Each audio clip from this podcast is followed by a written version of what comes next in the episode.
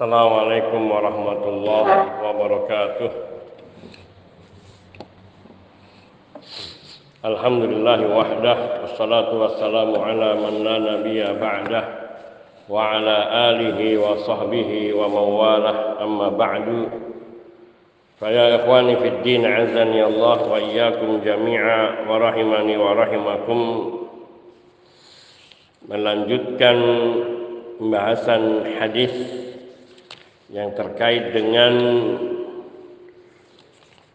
bahwa di antara umat Nabi ini ada yang akan menyembah berhala yaitu sisi pendalilannya adalah dari riwayat Nabi Shallallahu Alaihi Wasallam yang bersabda la tattabi'unna sunana man kana qablakum hadwal qadza hadwal qudzati bil qudzah hatta law dakhalu juhra dhabbin la niscaya kalian benar-benar akan mengikuti sunnah-sunnah cara-cara beragama umat sebelum kalian sedikit demi sedikit sehingga sekiranya mereka masuk ke dalam lubang biawak niscaya kalian akan ikut masuk ke dalamnya para sahabat radhiyallahu taala anhum bertanya apakah mereka yang engkau maksudkan itu Yahudi dan Nasara ya Rasulullah? Maka Nabi Shallallahu alaihi wasallam mengatakan siapa lagi? Dan hadis ini menegaskan bahwa yakni menegaskan dan menjelaskan mengenai ayat-ayat yang lalu yang menyatakan bahwa umat-umat terdahulu yang mereka membaca kitab suci Al-Quran atau kitab suci mereka ada di antara mereka yang berbuat kesyirikan mempersekutukan Allah menyembah berhala. Yu'minuna bil jibti wa taghut. Juga firman Allah yang menyebutkan man la'anahu Allah wa ghadiba alaihi wa ja'ala minhumul qiradata wal khanazir wa abada taghut. Dan menyembah taghut dan juga firman Allah Subhanahu wa taala dalam surat Al-Kahfi qala alladziina ghalabu ala amrihim lanattakhidanna alaihim masjida. Ini semua menegaskan kalau umat terdahulu ada yang menyembah berhala, ada yang mendirikan kuburan, dan sebagainya. Maka demikian pula di tengah umat ini suatu keniscayaan karena umat ini seperti dikabarkan oleh nabinya sallallahu alaihi wasallam mereka ini akan mengikuti jejak langkah daripada umat-umat terdahulu dalam segala hal. Dan di antara perbuatan umat terdahulu yang diikuti oleh umat sekarang yang terkait dengan perkara-perkara yang menjatuhkan ke dalam kesyirikan yaitu wujida fi al-umami sabiqati man ittakhadhu ahbarahum wa ruhbanahum arbaban min dunillah. Wa wujida fi hadhihi ummati man yu'aridu qaulan nabi sallallahu alaihi wasallam bi qauli syaikhihi. Dikatakan bahwa ter, di zaman umat-umat terdahulu ada segolongan atau orang-orang yang mereka menjadikan para ulamanya dan para pendetanya sebagai Tuhan-Tuhan lain selain Allah. Ini artinya mereka menyembah kepada pendeta, beribadah kepada pendeta dan para ulamanya. Ataupun kaum spiritualnya. Ruhban itu kaum spiritualnya. Wa wujida fi hadhil ummah di tengah umat ini juga ada orang yang yu'aridu qaulan Nabi sallallahu alaihi wasallam biqauli syekhihi yang menentang sabda Nabi sallallahu alaihi wasallam dan lebih berpegang kepada perkataan syekhnya lebih berpegang kepada keperkataan ulamanya. Yakni meskipun bertentangan dengan sabda Nabi sallallahu alaihi wasallam. Korelasi daripada hal ini adalah firman Allah Subhanahu wa taala. Di dalam surat An-Nur yang Allah tabaraka wa taala berfirman ittakhadhu ahbarahum wa ruhbanahum arbaban min dunillah wal masih ibn Maryam.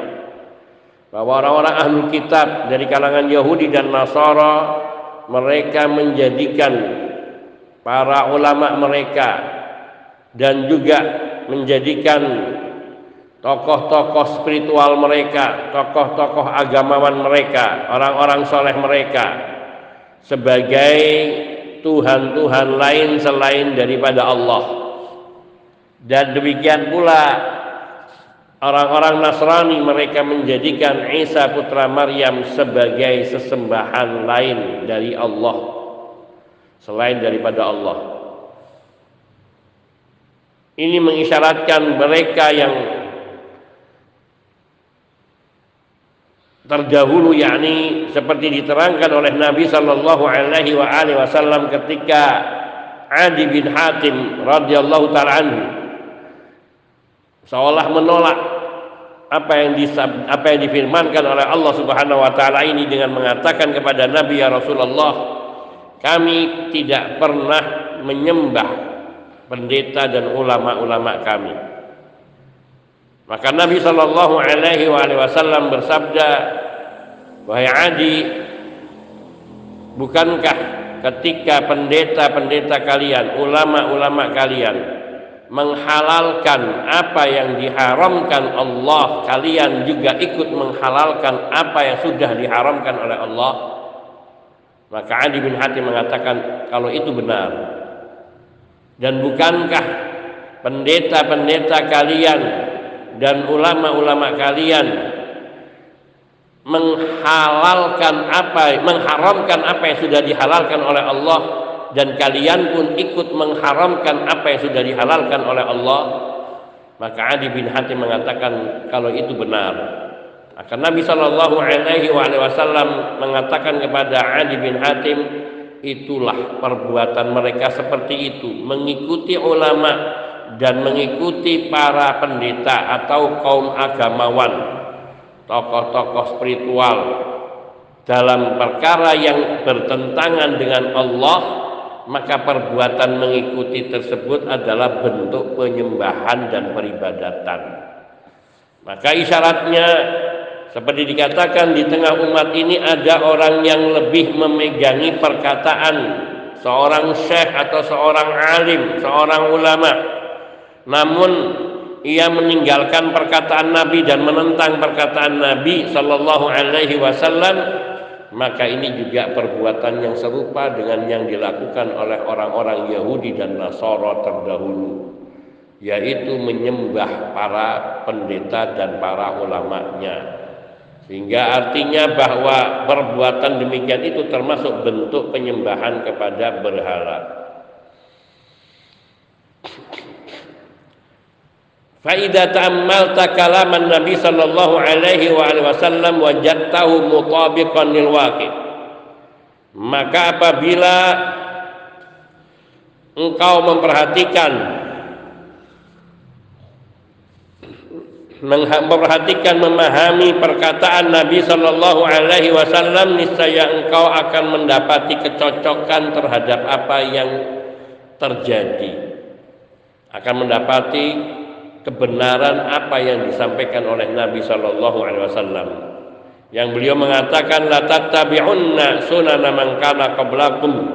Niscaya kalian akan mengikuti cara-cara umat terdahulu di dalam beragama dan berkeyakinan. Walakin yabqa nadhar. Akan tapi kemudian yang tersisa yaitu tetap ada yang perlu diteliti, ada yang tetap harus diteliti. Hal hadal hadithu litahdir aw lil ikrar. Apakah ucapan Nabi Shallallahu alaihi wasallam tabi'unna dan seterusnya niscaya kalian akan ikut apakah ini sebagai peringatan dari Nabi kepada umat ataukah sebagai pernyataan pengukuhan Al jawab la syak. Annau tahdhir wa laysa lil iqrar. bukan menyetujui ikrar itu pengukuhan penyetujuan. Artinya kalian akan ikut. Artinya ikutilah. Seolah-olah seperti itu. Atau bahwa Nabi membolehkan umat ini mengikuti. Bukan itu. Itu ikrar akan tapi hadis ini bermakna litahdir yaitu untuk memperingatkan umat agar mereka tidak terjatuh kepada apa yang dilakukan oleh umat terdahulu dalam kesesatan dan penyimpangan. Bahwa umat-umat terdahulu itu mereka telah banyak melakukan kesesatan, penyimpangan, maka jangan kalian ikuti. Ini maknanya litahdir Maka tidak dibenarkan seseorang mengatakan sudu saya akan bersikap dengki karena orang-orang terdahulu suka bersikap dengki karena Nabi mengatakan bahwa kita akan mengikuti umat terdahulu. Maka kalau umat terdahulu itu dengki kita harus dengki. Nah ini bukan itu.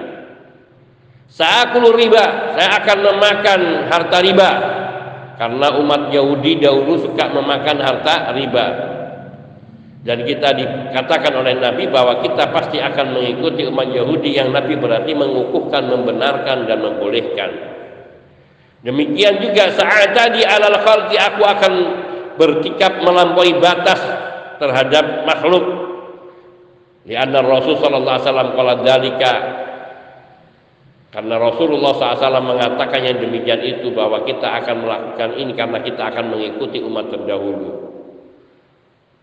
Faman qala dzalika fa inna naqul maka orang yang mengatakan seperti akan kita katakan engkau sungguh telah salah akhtata.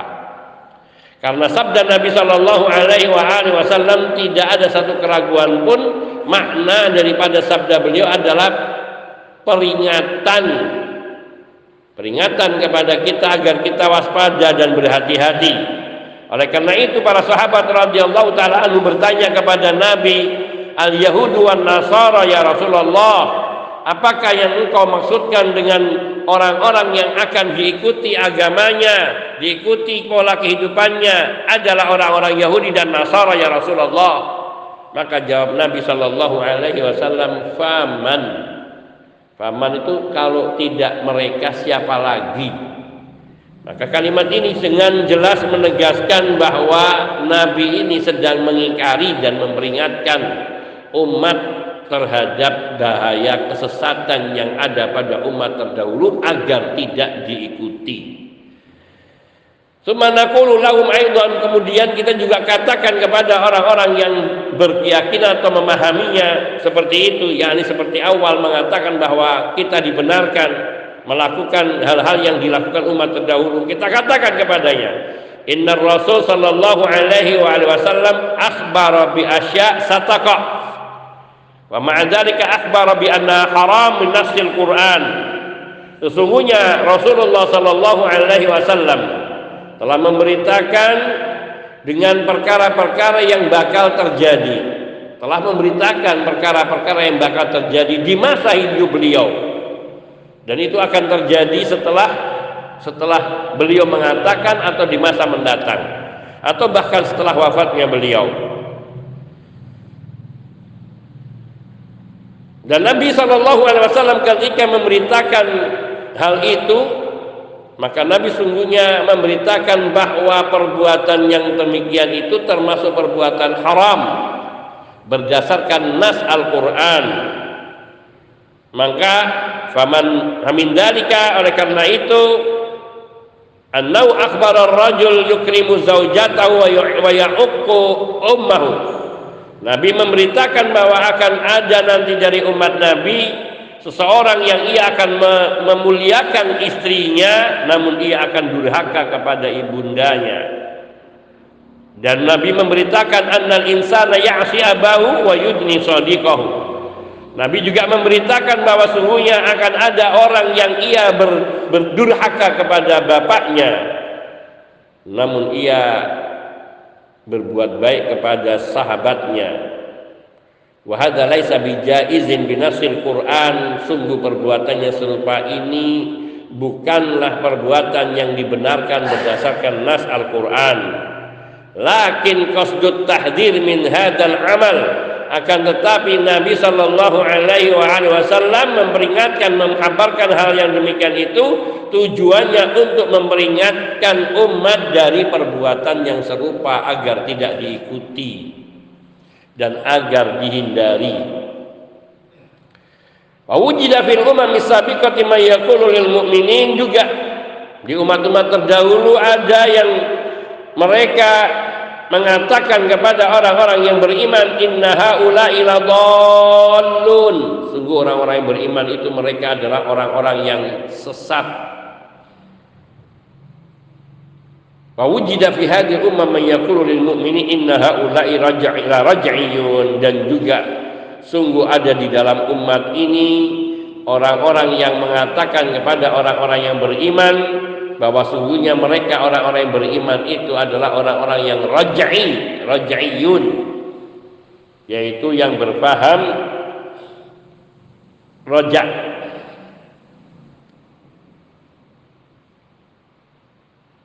Nah, raj'iyun. Nah, haula ila raj'iyun yaitu maknanya sama saja sesat. Intinya bahwa ada orang-orang nanti di zaman akhir zaman akan ada orang-orang yang mengatakan kepada orang-orang yang beriman bahwa orang yang beriman itu adalah orang-orang yang sesat. Sama. Dan ini menjadi isyarat. Fal ma'asi la aslun fil umam ala hasabi ma sabaq walakin man waffaqahu Allah lil hidayah ihtada. Bahwa kemaksiatan itu memiliki asal di umat-umat terdahulu. Artinya bahwa kemaksiatan itu bukan perkara baru tapi telah dilakukan oleh umat-umat terdahulu. Segala bentuk kemaksiatan kesesatan itu telah ada dari zaman dahulu. Zaman-zaman sebelum Islam zaman para para nabi terdahulu dan terjadi sesuai dengan kondisi namun kes, memiliki keserupaan dan kemiripan. Bentuk yang terjadi pada umat dahulu dengan umat zaman ini ada perbedaan bentuk tetapi hakikatnya sama. Hanya saja orang-orang yang diberi taufik oleh Allah untuk mendapatkan hidayah maka mereka ini akan selamat dari perbuatan meniru-niru serupa itu.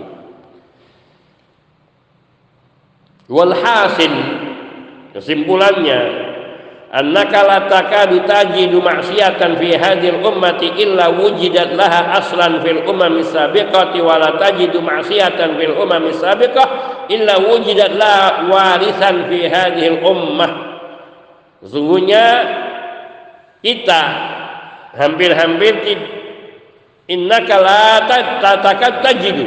Hampir-hampir tidak kita temukan suatu kemaksiatan pun yang terjadi di umat ini melainkan kemaksiatan itu telah ada asalnya di umat terdahulu. Dan tidaklah kita mendapati suatu kemaksiatan di umat terdahulu melainkan perbuatan kemaksiatan itu juga ada yang mewarisinya dari umat ini Jadi tidak ada perkara yang baru dalam kemaksiatan. Semua bentuk jenis kemaksiatan itu telah telah ada yang mendahulunya dari umat-umat terdahulu. Amma munasabatul hadis lil bab adapun sisi kesesuaian hadis Nabi yang diriwayatkan oleh Abu Sa'id Al-Khudri radhiyallahu taala ini dengan bab yang ditantumkan oleh Syekh Al-Imam Muhammad Ibnu Abdul Wahhab rahimahullahu taala ini Bali annahu lamma ubi amma abadatil umam sabiqatu al asnama wal awthan fa sayakunu fi hadhihi al ummati man ya'budu al asnama wal awthan. Maka fali anna maka sebagaimana umat-umat terdahulu itu ada yang menyembah kepada berhala menyembah patung. Maka demikian pula akan ada di tengah umat ini orang-orang yang menyembah berhala dan patung. Akan ada. Karena tak disebutkan dalam ayat-ayat Al-Quran bahwa umat-umat terdahulu ada yang menjab, men, me, me, me, me, menyembah berhala dan patung. Dan Nabi Shallallahu Alaihi Wasallam mengatakan niscaya kalian akan mengikuti umat terdahulu.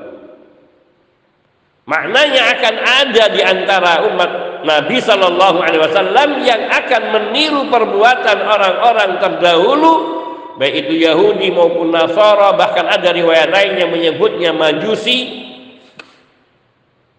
yang akan diikuti pola beragamanya tidak hanya dalam pola perilakunya ataupun juga penampilannya. Kemudian sabda Nabi Shallallahu Alaihi Wasallam hadwal kuzzati bil kuzzah hadwa bimakna muhadian yakni sejajar selurus atau sama wahia mansubatun alal hali dan ini dikatakan hadwa mansub pakai fatwa karena dia sebagai hal. Min fa'il hal dari fa'il. Artinya menerangkan tentang keadaan pelaku. Yaitu dari perkataan dari kalimat tattabi'unna. Niscaya kalian akan mengikuti sunnah-sunnah umat terdahulu dengan cara yaitu hadwal kudzati bil kudzah ay hala kaunikum muhadina lahum hadwal kudzah bil kudzah yakni mengikuti selangkah sejejak demi sejejak. Al-quddah hiya rishatus sahm. Quddah itu adalah bulu dari panah yang ada di belakang. Itu kalau anak panah itu belakangnya ada bulunya nah itu al-quddah namanya. Hazwal quddah bil quddah artinya sedikit demi sedikit. Ini nggak sampai sejengkal, kadang segini aja nggak sampai sejengkal. Maknanya lebih sedikit lebih kecil dari sejengkal. Maknanya bahwa umat ini akan mengikuti perbuatan atau sunnah-sunnah umat terdahulu sedikit demi sedikit sedikit demi sedikit. Hadwal qudza bil qudza la budda an takuna mutasawiyatan tamaman wa illa sara ramyu bi muhtallan dikatakan di sini wasahmu lahurish Panah anak panah itu selalu memiliki belakangnya bulu. Yang bulu-bulu itu serupa, ada tiga sisi. Satu, dua, tiga ini harus serupa sama. Kalau tidak maka dia tidak akan bisa digunakan untuk melempar tepat sasaran. Tidak akan imbang. Coba cuma hanya dua bulu maka dia akan timpang sehingga dia akan berputarnya goyang dan tidak bisa mengenai sasaran dan ukurannya pun harus sama. Maka di sini dikatakan hadwal kudzah bil kudzah benar-benar serupa dengan perbuatan orang-orang terdahulu sedikit demi sedikit. Serupa. Hatta lau dakhalu juhra dabbin la dakhaltumuh. yakni betul-betul akan mengikuti mengiringi seperti anak panah bulu-bulu dari anak panah ini akan mengiringi panah itu ke mana saja seperti dengan yang lainnya, tidak akan pernah lepas. Sehingga ketika orang-orang terdahulu itu masuk, artinya penganut agama-agama terdahulu itu masuk ke, ke lubang biawak, ladakhaltumu saya kalian juga akan ikut masuk ke dalam lubang biawak. Hadil jumlah ta'kidun minhu sallallahu alaihi wasallam lil mutaba'ah. Kalimat ini merupakan penegasan dari Nabi Shallallahu Alaihi Wasallam bahwa umat beliau ini benar-benar akan mengikuti pendahulu umat-umat terdahulu. Kemudian juhruddab, juhruddab min asgharil juhur. Dikatakan juhruddab yakni lubang biawak. Lubang biawak ini adalah termasuk lubang yang paling kecil dari binatang-binatang besar. Walau dakhalu juhra asadin min babi aula an nadkhulah. Kalau lubang biawak yang kecil saja mereka masuki kita akan ikut masuk ke dalamnya apalagi lubang atau pintu guanya singa tentu kita akan lebih mengikutinya lagi maknanya dalam perkara-perkara yang pelik yang berat yang sulit pun mereka melakukan maka umat ini akan mengikuti melakukannya apalagi yang terbuka lebar maka akan lebih lebih gampang lagi diikuti. Maka Nabi Shallallahu Alaihi Wasallam kala dzalika ala mubalaghah menyebutkan lubang biawa adalah untuk menunjukkan ekstrimnya ekstrimnya umat ini di dalam mengikuti umat terdahulu sampai kepada perkara yang paling pelik pun akan diikuti. Ini ada yang seperti itu. Kalau kaulin Nabi Shallallahu Alaihi Wasallam seperti contohnya sabda Nabi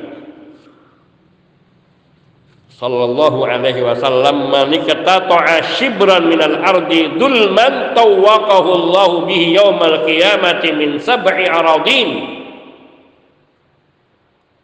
Barang siapa yang merampas sejengkal tanah dengan kedoliman niscaya Allah akan membenamkannya dengan tanah itu pada hari kiamat. Min sab'i aradin dari tujuh yakni sampai akan membenamkannya dengan tujuh tujuh lapis tanah bumi ini dari yang sejengkal diambil Perkataan Nabi sejengkal adalah untuk menunjukkan yang terkecilnya, ekstrimnya. Wa maniktatu adiroan maka barang siapa yang mengambilnya sehasta maka lebih besar lagi ancamannya. Yang kecilnya saja Allah akan balas dengan akan dibenamkannya atau akan dipikulkan kepadanya tujuh lapis bumi dari bumi tanah yang dia ambil. Biasanya yang namanya orang mengambil sejengkal ya jarang. Yang dia ambil semeter, semeter sudah berapa hasta? Sudah tiga hasta atau dua hasta atau semeter lebih maka dia akan dibenamkan akan ditimpakan dengan tanah itu. Maka di sini kalau para sahabat bertanya kepada Nabi siapakah yang dimaksudkan dengan orang-orang terdahulu itu? Apakah mereka adalah al-Yahud wan Nasara? Maka memahaminya yakni apakah mereka Yahudi dan Nasara ya Rasulullah? Maka dipahami dengan dua cara ya juzu fiha wajhani boleh dipahami dengan dua cara. Yang pertama nusbul yahud wan nasara ala nusibal yahud wan nasara ala annahu maf'ulun li fi'li mahdufin takdiru ata'anna al ata'ni al yahuda wan nasara. Kata al yahuda wan nasara al yahuda wan nasara ini dibaca yahuda pakai fathah huruf dalnya kalau nasoronya tetap karena ada ya alif ya alif bengkok. Sehingga nggak bisa berubah. Karena nasoro tetap nasoro nggak bisa nasori nggak bisa nasoru tapi kedudukannya adalah serupa dengan kata al yahud disebut dengan al yahuda yaitu dengan fathah karena dia kedudukannya sebagai maf'ul. Maf'ul bagi fi'il. Kata uh, yaitu fi'il yang mestinya tertulisnya ata'ni apakah yang engkau maksudkan al yahuda wan nasara yaitu orang Yahudi dan Nasrani ya Rasulullah? Ini maka dia menjadi maf'ul. Apa yang engkau maksudkan dengan umat-umat terdahulu itu adalah al yahud wan nasara sehingga ketika para sahabat mengatakan al yahuda wan nasara maka mengartikannya apakah yang engkau maksudkan adalah orang-orang Yahudi dan Nasara ya Rasulullah? Ini pertama yang kedua arrafu ala annahu khabarun li mubtada'in mahdhufin takdiru ahumul yahudu wan nasara. Yang kedua boleh dibaca al yahudu dengan dhammah dalnya sebagai mubtada, sebagai khabar bagi mubtada yang dihapuskan. Apa mubtada'nya? Yaitu pertanyaan ahum apakah mereka itu al yahudu wan nasara yaitu orang-orang Yahudi dan Nasrani ya Rasulullah? Dan boleh dibaca dengan dua cara. Ini karena artinya tidak berubah. Wa ala kullin wa ala kulli takbirin fal jumlatu insya'iyah bagaimanapun bentuk bacaannya apakah mau dibaca Yahuda wan Nasara atau Yahudu wan Nasara akan tetapi ini adalah kalimat khobar kalimat insya'iyah bentuk bentuk karangan narasi. Di annahum yas'aluna an nabi sallallahu alaihi wasallam istifhamiyah karena para sahabat bertanya kepada nabi dan bentuk pertanyaan itu adalah apakah wal istifham min babil insya sedangkan kalimat istifham kalimat bertanya itu bentuk kalimat kalimat karangan kalimat karangan narasi. Al yahud siapa al yahud atba'u Musa alaihi salatu wassalam. Summu yahudan nisbatan ila ila yahuda min ahfadi ishaq. Namanya al-Yahud itu adalah para pengikut Nabi Musa alaihi salatu wassalam.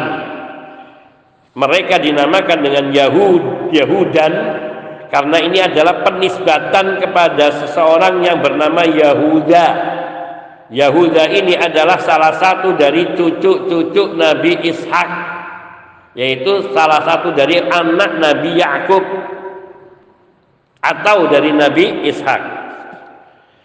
Cucu Nabi Ishak bisa jadi anaknya Nabi Yakub atau bisa jadi anak Nabi Ishak yang lain. Dari anaknya dari anaknya anak Nabi Ishak yang lainnya.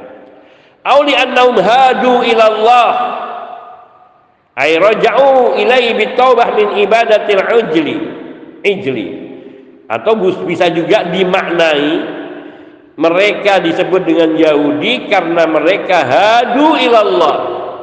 Yaitu ditunjukkan kepada jalan Allah. Karena mereka menuju jalan Allah. Maknanya mereka kembali bertaubat dari kesesatan mereka menyembah menyembah patung pedet apa patung patung apa namanya patung anak sapi atau anak lembu anak sapi lembu maka mereka dikatakan Yahudi Al-Yahud yaitu mereka yang mengikuti petunjuk setelah mereka tersesat sebelumnya.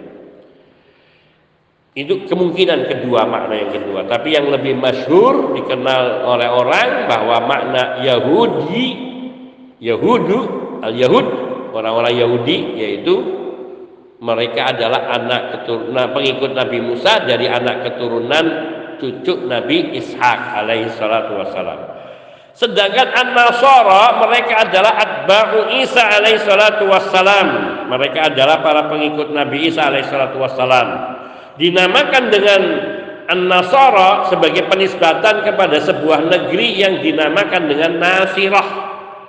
Ini satu pertama yang mengatakan itu bahwa Nasara karena mereka dulunya tinggal di sebuah negeri yang disebut dengan Nasirah. Ini Jazakallah khairan barakallahu fiik. Zadakallahu ilman wa hirsan.